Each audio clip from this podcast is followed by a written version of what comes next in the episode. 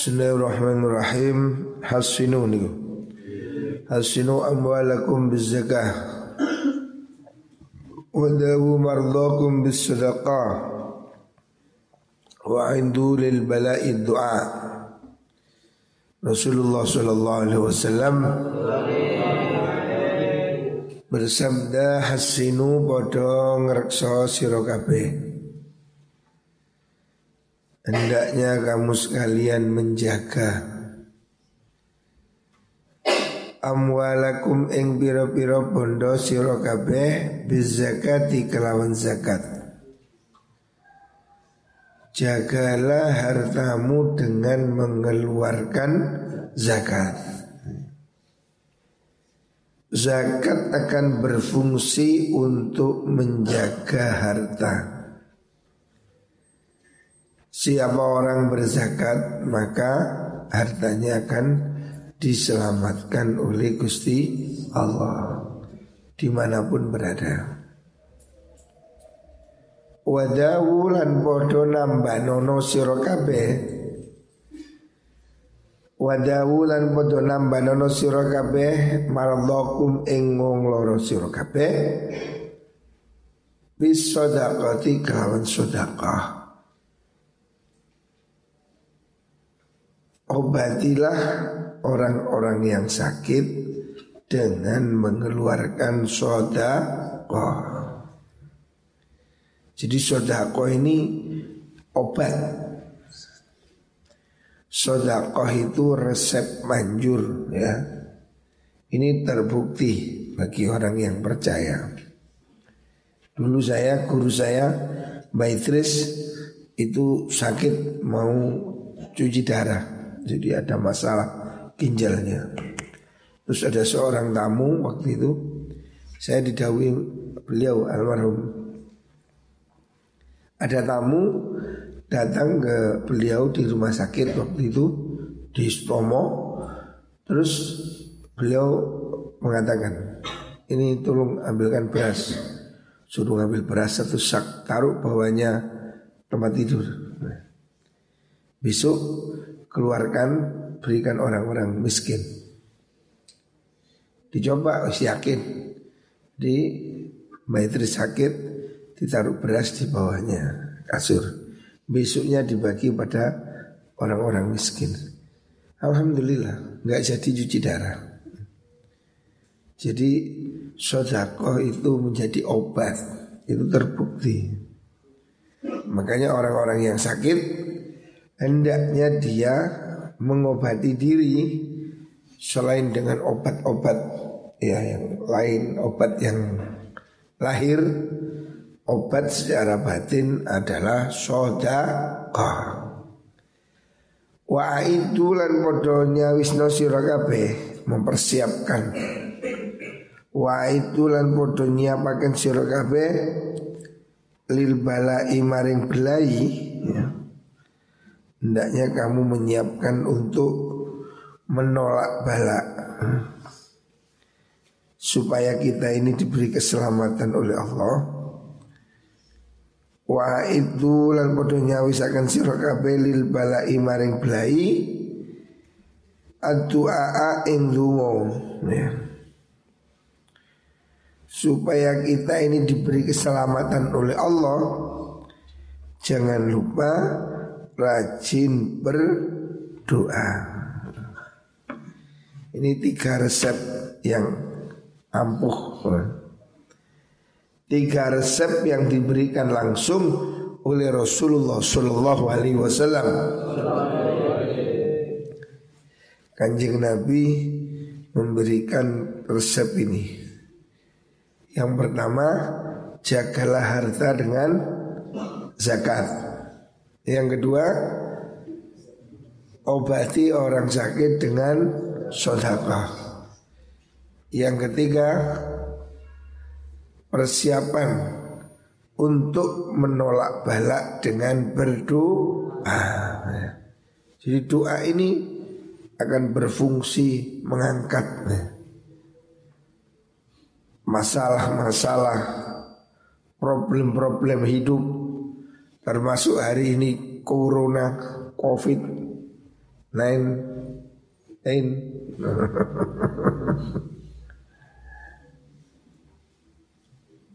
Apa yang ada terjadi ini tidak lepas dari takdir kodok kodarnya Gusti Allah. Maka kalau kita sakit, sedih, sulit, ya, mohon bertadaruk, ya, mendekatkan diri kepada Allah, Allah akan menghilangkan, Allah akan memberi pertolongan supaya semuanya bisa diangkat oleh Allah Subhanahu wa taala. Hadara teko sapa malakul mauti malaikat maut. Rajulan ing wong lanang ya mutu kang baga kang mati sapa rajul. Ya, ada orang mati didatangi oleh malaikat maksudnya. Fasyakko mongkon nyuwe bedah sapa malaikat Allah ahu ing pira-pira anggota tubuhe niku wa rajul Falam yajid mongko ora nemu boten nemu sinten malaikat. Ya, malaikat tidak menemukan. Falam yajid mongko ora nemu sapa malaikat hu ing mengkono rajul amilang lakoni sapa rajul lakoni amal akhiran ing kebagusan ada orang mati oleh malaikat di bedel jeruni didelok. Tidak ada kebaikannya. Waduh semua syakah nuli bedel bedah sinten malaikat kolbau ing atine rajul. Falam yajid orang nemu sebuah malaikat fi ing dalam kalbu khairan kebagusan.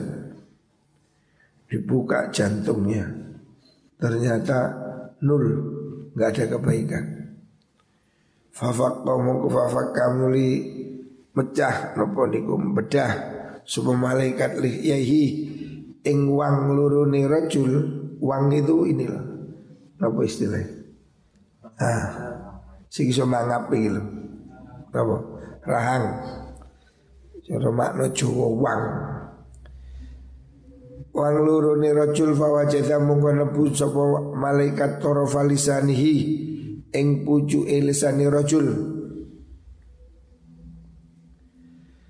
Lasikan ingkang tetemu bihanakihi Tetemu kelawan cendake Cendak niku langit-langit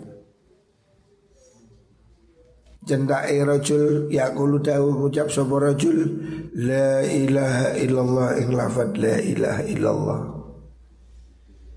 Fa ghafara mafaghufira mongkoten sepuro sapa lahu rajul bi kalimatil ikhlasi sebab ono e kalimat ikhlas. Ya. Allahumma salli Muhammad.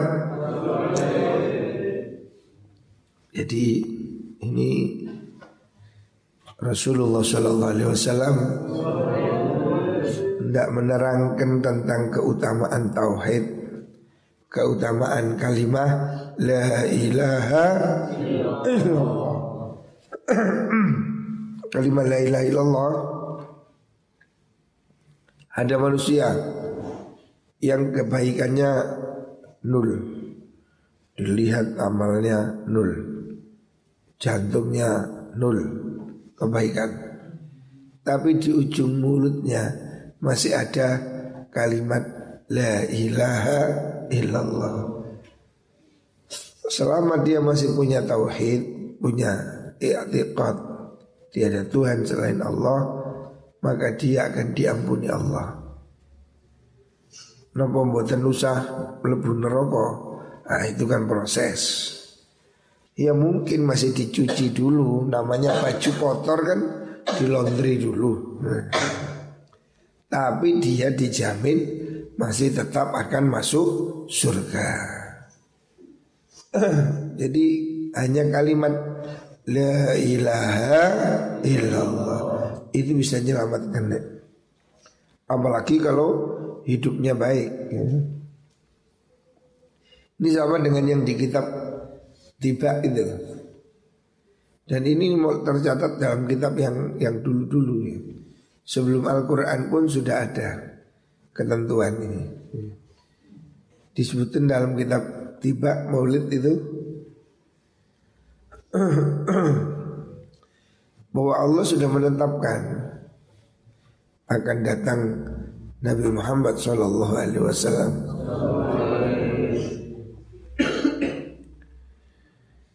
Umat Nabi ini ada tiga kelompok. Sulusun yadkhulun al-jannata bighairi hisab. Sepertiga dari umat ini adalah orang-orang hebat orang-orang suci mereka akan masuk surga VIP tanpa pengadilan, tanpa hisap. Ini golongannya wali-wali orang-orang yang khusyuk bagus. Tapi nanti wasruzun ya'tuna binudhubihim fayaghfiru lahum fayaghfiru lahum ada orang yang dosanya banyak, tapi amalnya juga banyak, imbang-imbang. Yang golongan pertama ini nggak nggak dosanya, ngapi tok, tahu nonton biskop, nggak tahu karaokean, nggak tahu PS-an. Ini sip sip, suarco langsung. Golongan kedua ini ada nanti yang ya sergap sembayang tapi yo sergap dangdutan, nah, paru-paru yo tahlilan yo bal-balan yo karaokean yo orkesan nah. orang yang paru-paru ini mungkin masih diampuni oleh Allah lah yang golongan terakhir ini ada sepertiga orang sing dablek-dablek. Sing dendeng-dendeng. Terus penggaweane golongane teler-teler. Orang yang orang Islam tapi yang berdosa besar. Ini pun masih ada kesempatan. Nanti akan diampuni oleh Allah subhanahu wa ta'ala. Tetapi Ya tentu saja ada keadilan ya. Mungkin dicuci dulu ya. Di laundry dulu di neraka Tapi masih ada harapan untuk masuk surga Kecuali kalau diampuni oleh Allah subhanahu wa ta'ala Rawi Ibnu Abi Dunya Nabi Hurairah. Selanjutnya hakun Allah alla yartafi'a syai'un minat dunya illa wadha'ahu. Hakun iku tetap pasti Alallahi ingatasi Gusti Allah.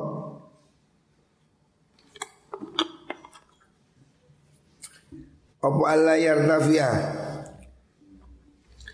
yen tok ora dadi dhuwur. Munggah apa si suci wici minat dunia saking dunia illa wadha'ahu angin nyelehaken menjatuhkan sindan Allah hu ing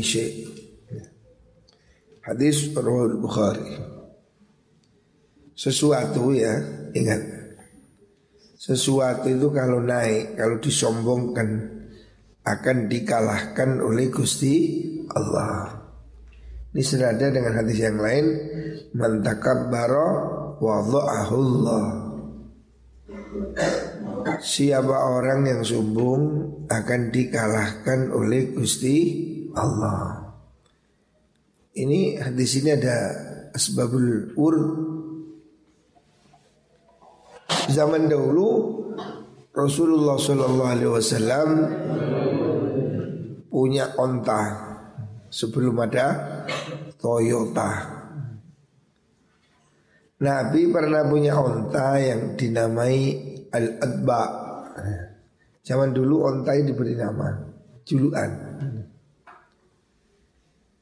Nah namanya Adba, onta Nabi ini onta hebat, onta balap hampir tidak terkalahkan. tidak terkalahkan. Tapi suatu saat ternyata kalah. Lomba unta ini kalah. Orang-orang jadi sedih. Kok bisa ya untanya kanjeng Nabi kalah. Nabi mengatakan hakun Allah alla yartafi'a syai'un minat dunya illa Allah. Nabi menghibur sahabat. Ya biasa sesuatu itu kalau tinggi akan jatuh. Artinya kalah menang itu biasa. Sesuatu yang tinggi dan kurva tinggi turun. Ini sudah wajar. Jadi dunia ini berputar. Yang naik juga akan turun, ya. Tidak selamanya. Kalau Rasulullah sallallahu alaihi wasallam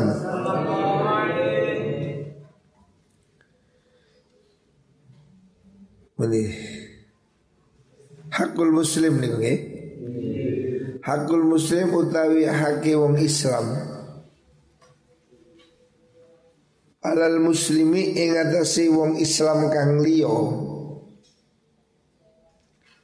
Hak orang Islam pada orang lain Iku situn ono enam ya. Ada enam kewajiban kita sebagai sesama umat Islam.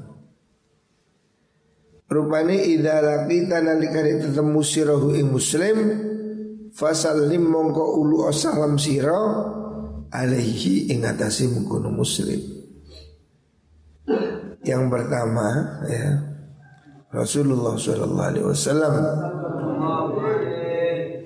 mengatakan orang mukmin kalau ketemu orang mukmin, orang muslim, bila ketemu orang muslim yang pertama harus mengucapkan salam. Ulama berbeda pendapat. Ini wajib atau sunnah. Ada yang mengatakan wajib, ada yang mengatakan sunnah karena diperintah oleh kanjeng Nabi. Ya. Jadi ini harus tetapi ada yang mengatakan ya wajib tapi yang namanya wajib di sini adalah wajib kifayah. Tidak semua tapi salah satu. Ya pertama tadi mengucapkan salam. Ya orang Islam ketemu orang Islam ojo bro. Ya apa bro? Oh, ucapkan assalamu alaikum. Ojo hello hey ojo ha hey Ganti Gantilah sapaanmu dengan ucapan Assalamu alaikum Wa idza da'aka lan nalikane ngundang sapa muslim ka ing sira fa ajibhu monggo nyembadanono sirahu ing muslim. Yang kedua kalau kamu diundang hendaknya kamu datang hargai undangan orang ya. Jangan dipilih-pilih. Jangan memilih undangan sing sugi-sugi tok. Sing kira-kira berkate engkong ditekani. Sing berkate tempe tidak didatangi. Ini tidak boleh. Jangan milih-milih. Siapa pun mengundang kamu Kalau kamu bisa Datanglah ya. Apalagi itu undangan Walimah Pernikahan Harus datang ya Perhatikan Apalagi kalau tetangga ya. Ini wajib bagi kita Yang ketiga Wa idastan sohaka nalikane njaluk nasihat sapa muslim ka ing sira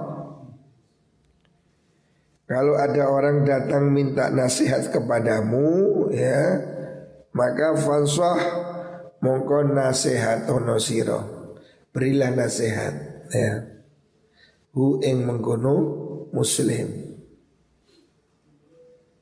kalau ada orang datang minta nasihat kepadamu, jangan pelit-pelit ya. Jangan pelit untuk berbagi ilmu.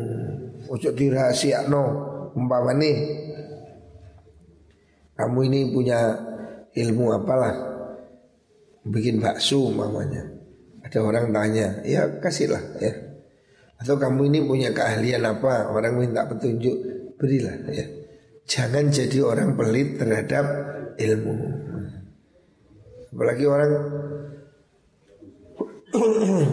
Apalagi orang itu minta nasihat tentang apa Beri nasihat yang clear Jangan ditipu Ya Jangan pelit untuk berbagi kebaikan. Wa idha atisa nalikani wahing sopa muslim Fahamidanuli muji sopa muslim Allah yang Allah fasyammidhu mongko ndongakno sira hu ing mengkono muslim. Ya kalau ada orang bersin ya dulu ada orang bersin ya kita mengucapkan apa yarhamu kallah jadi orang bersin itu didoakan tapi sejak ada musim covid ini Wong bersin dipendeli. Hmm. Batuk juga gitu. Kalau dulu kan orang dimarah itu orang kentut. Dulu ada orang kentut, hmm, kentut. Hmm. Saya ini enggak batuk, watuk, watuk. Takut covid. Nah. Dulu batuk yang biasa. Hari ini kamu batuk-batuk di swalayan disuruh keluar. Batuk ini hari ini dianggap musuh. Karena gara-gara apa? Kopat kopit Tapi kamu hendaknya hargai ya Orang bersin itu sehat Tubuh kita ini mengeluarkan virus penyakit. Makanya kalau ada orang bersin Harus ditutup. Jangan bersin Jelas Nyemprot konjoni Virus ini tidak boleh. Kalau bersin tutup sama sikunya. Terus ya. atau pakai tisu. Ini ya biasakan bersin yang tertib. Jangan sampai bersin mengenai wajah orang lain. Tidak sopan itu. Wah coy waduh. Kayak semprotan. Ini tidak sehat ya tidak boleh. Hari ini ini orang takut. Kamu wahing sekarang orang mendelik. Harus berusaha menutup ya. Tapi tetap ucapkan tasmid ya. Kalau ada orang bersin kita doakan dengan ucapan apa? Yarhamukallah. Selanjutnya yang terakhir apa Oh belum. Wa idza maridha nalikani loro sapa muslim.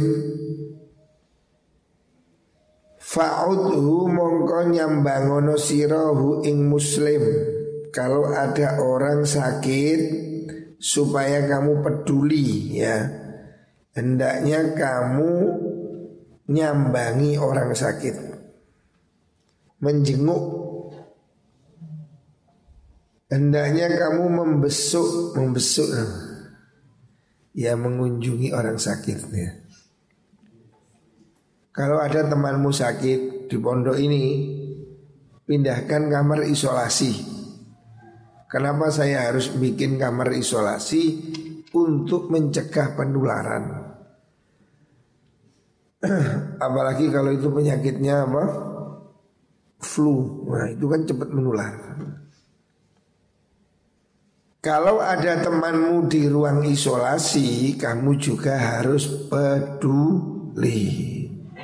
Kirim makan, kirim minum ya. Ayo berusaha saling tolong menolong. Pedulilah. Jenguk ada orang yang sakit. Waktu-waktu yuk minum obat. Wa idza mata nalikane mati sinten niku muslim Fattabi'hu mongko ngetut sira hu ing mengkono muslim. Kalau ada orang mati ya hendaknya kamu ikut nyelawat dan ikut dia antar pergi ke kuburan. Jangan kamu tidak peduli ya. Hendaknya kamu peduli kalau ada orang sakit datangi. Kalau dia mati antarkan sampai ke kuburan. Inilah ajaran dari Rasulullah Shallallahu Alaihi Wasallam. Enam sikap peduli ini penting ya. Ini terkadang mulai luntur Enam sikap peduli ini harus kita jaga. Ini adalah perintah dari Rasulullah Shallallahu Alaihi Wasallam. Enam hal ini harus dicatat. Ini tidak boleh hilang. Ini kewajiban bagi kita semua. Walaupun mungkin termasuk wajib kifayah. Tapi ini biasakan ya. Hal-hal yang diajarkan oleh Rasulullah Wasallam kita wajib mengikuti tuntunannya Nabi. Nah, ini tuntunan hidup praktis yang hari ini harus tetap dilakukan. Supaya tercipta kerukunan. Ya. Yang pertama apa? Kewajiban orang Muslim apabila bertemu mengucapkan salam. Biasa no, Assalamualaikum. Kenal nggak kenal? Ada orang lewat Assalamualaikum. Ojo bro. Bro bro. Assalamualaikum. Assalamualaikum bro. Gak apa-apa Tapi budayakan mengucapkan salam. Supaya kamu kelihatan Oh ini muslim. Ketemu siapa pun Kenal nggak kenal Pokoknya muslim. Assalamualaikum. Yang kedua Kewajiban kita datang apabila diundang. Harus datangi undangan pernikahan resepsi tapi sebaliknya kalau nggak diundang jangan datang dan sego Ono mantu kurus kurus entek sego Jadi resepsi itu untuk orang yang diundang. Kalau nggak diundang, jangan datang. Tapi kalau kamu diundang, hargai undangan tetangga, teman, saudara, undangan kamu harus datang.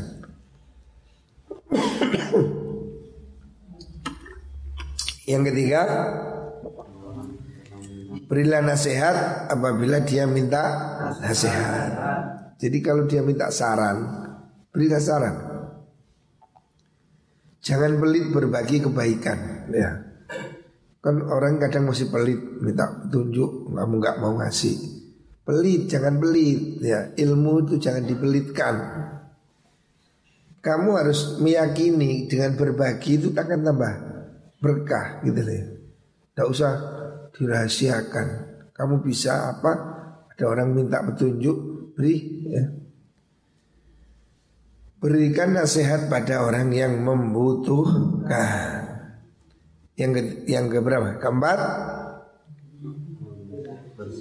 Doakan orang yang bersin. Tasmid Biasakan Kalau ada orang wahing Ucapkan nama. Yarhamu kallah Biasakan Refleks. Yarhamu kallah Gitu. Terus kamu balas apa? Tahdikumullah Ini saling mendoakan. Ini bagus sekali. Yang kelima Apabila ada orang sakit Supaya dijenguk Menjenguk orang sakit Ini kewajiban orang muslim ya.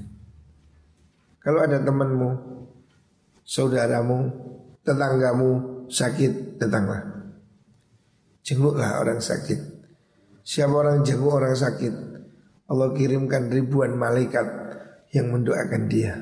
Nah, jenguk orang sakit. Kalau temanmu sakit di pondok ini sakit, kamu pedulilah, perhatikanlah ya. Jadilah orang yang suka menolong orang lain.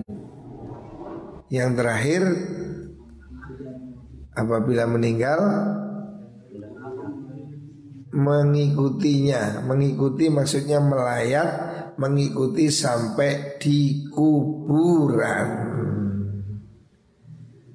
Jadi melayat saja ini ya sudah sunnah takziah namanya.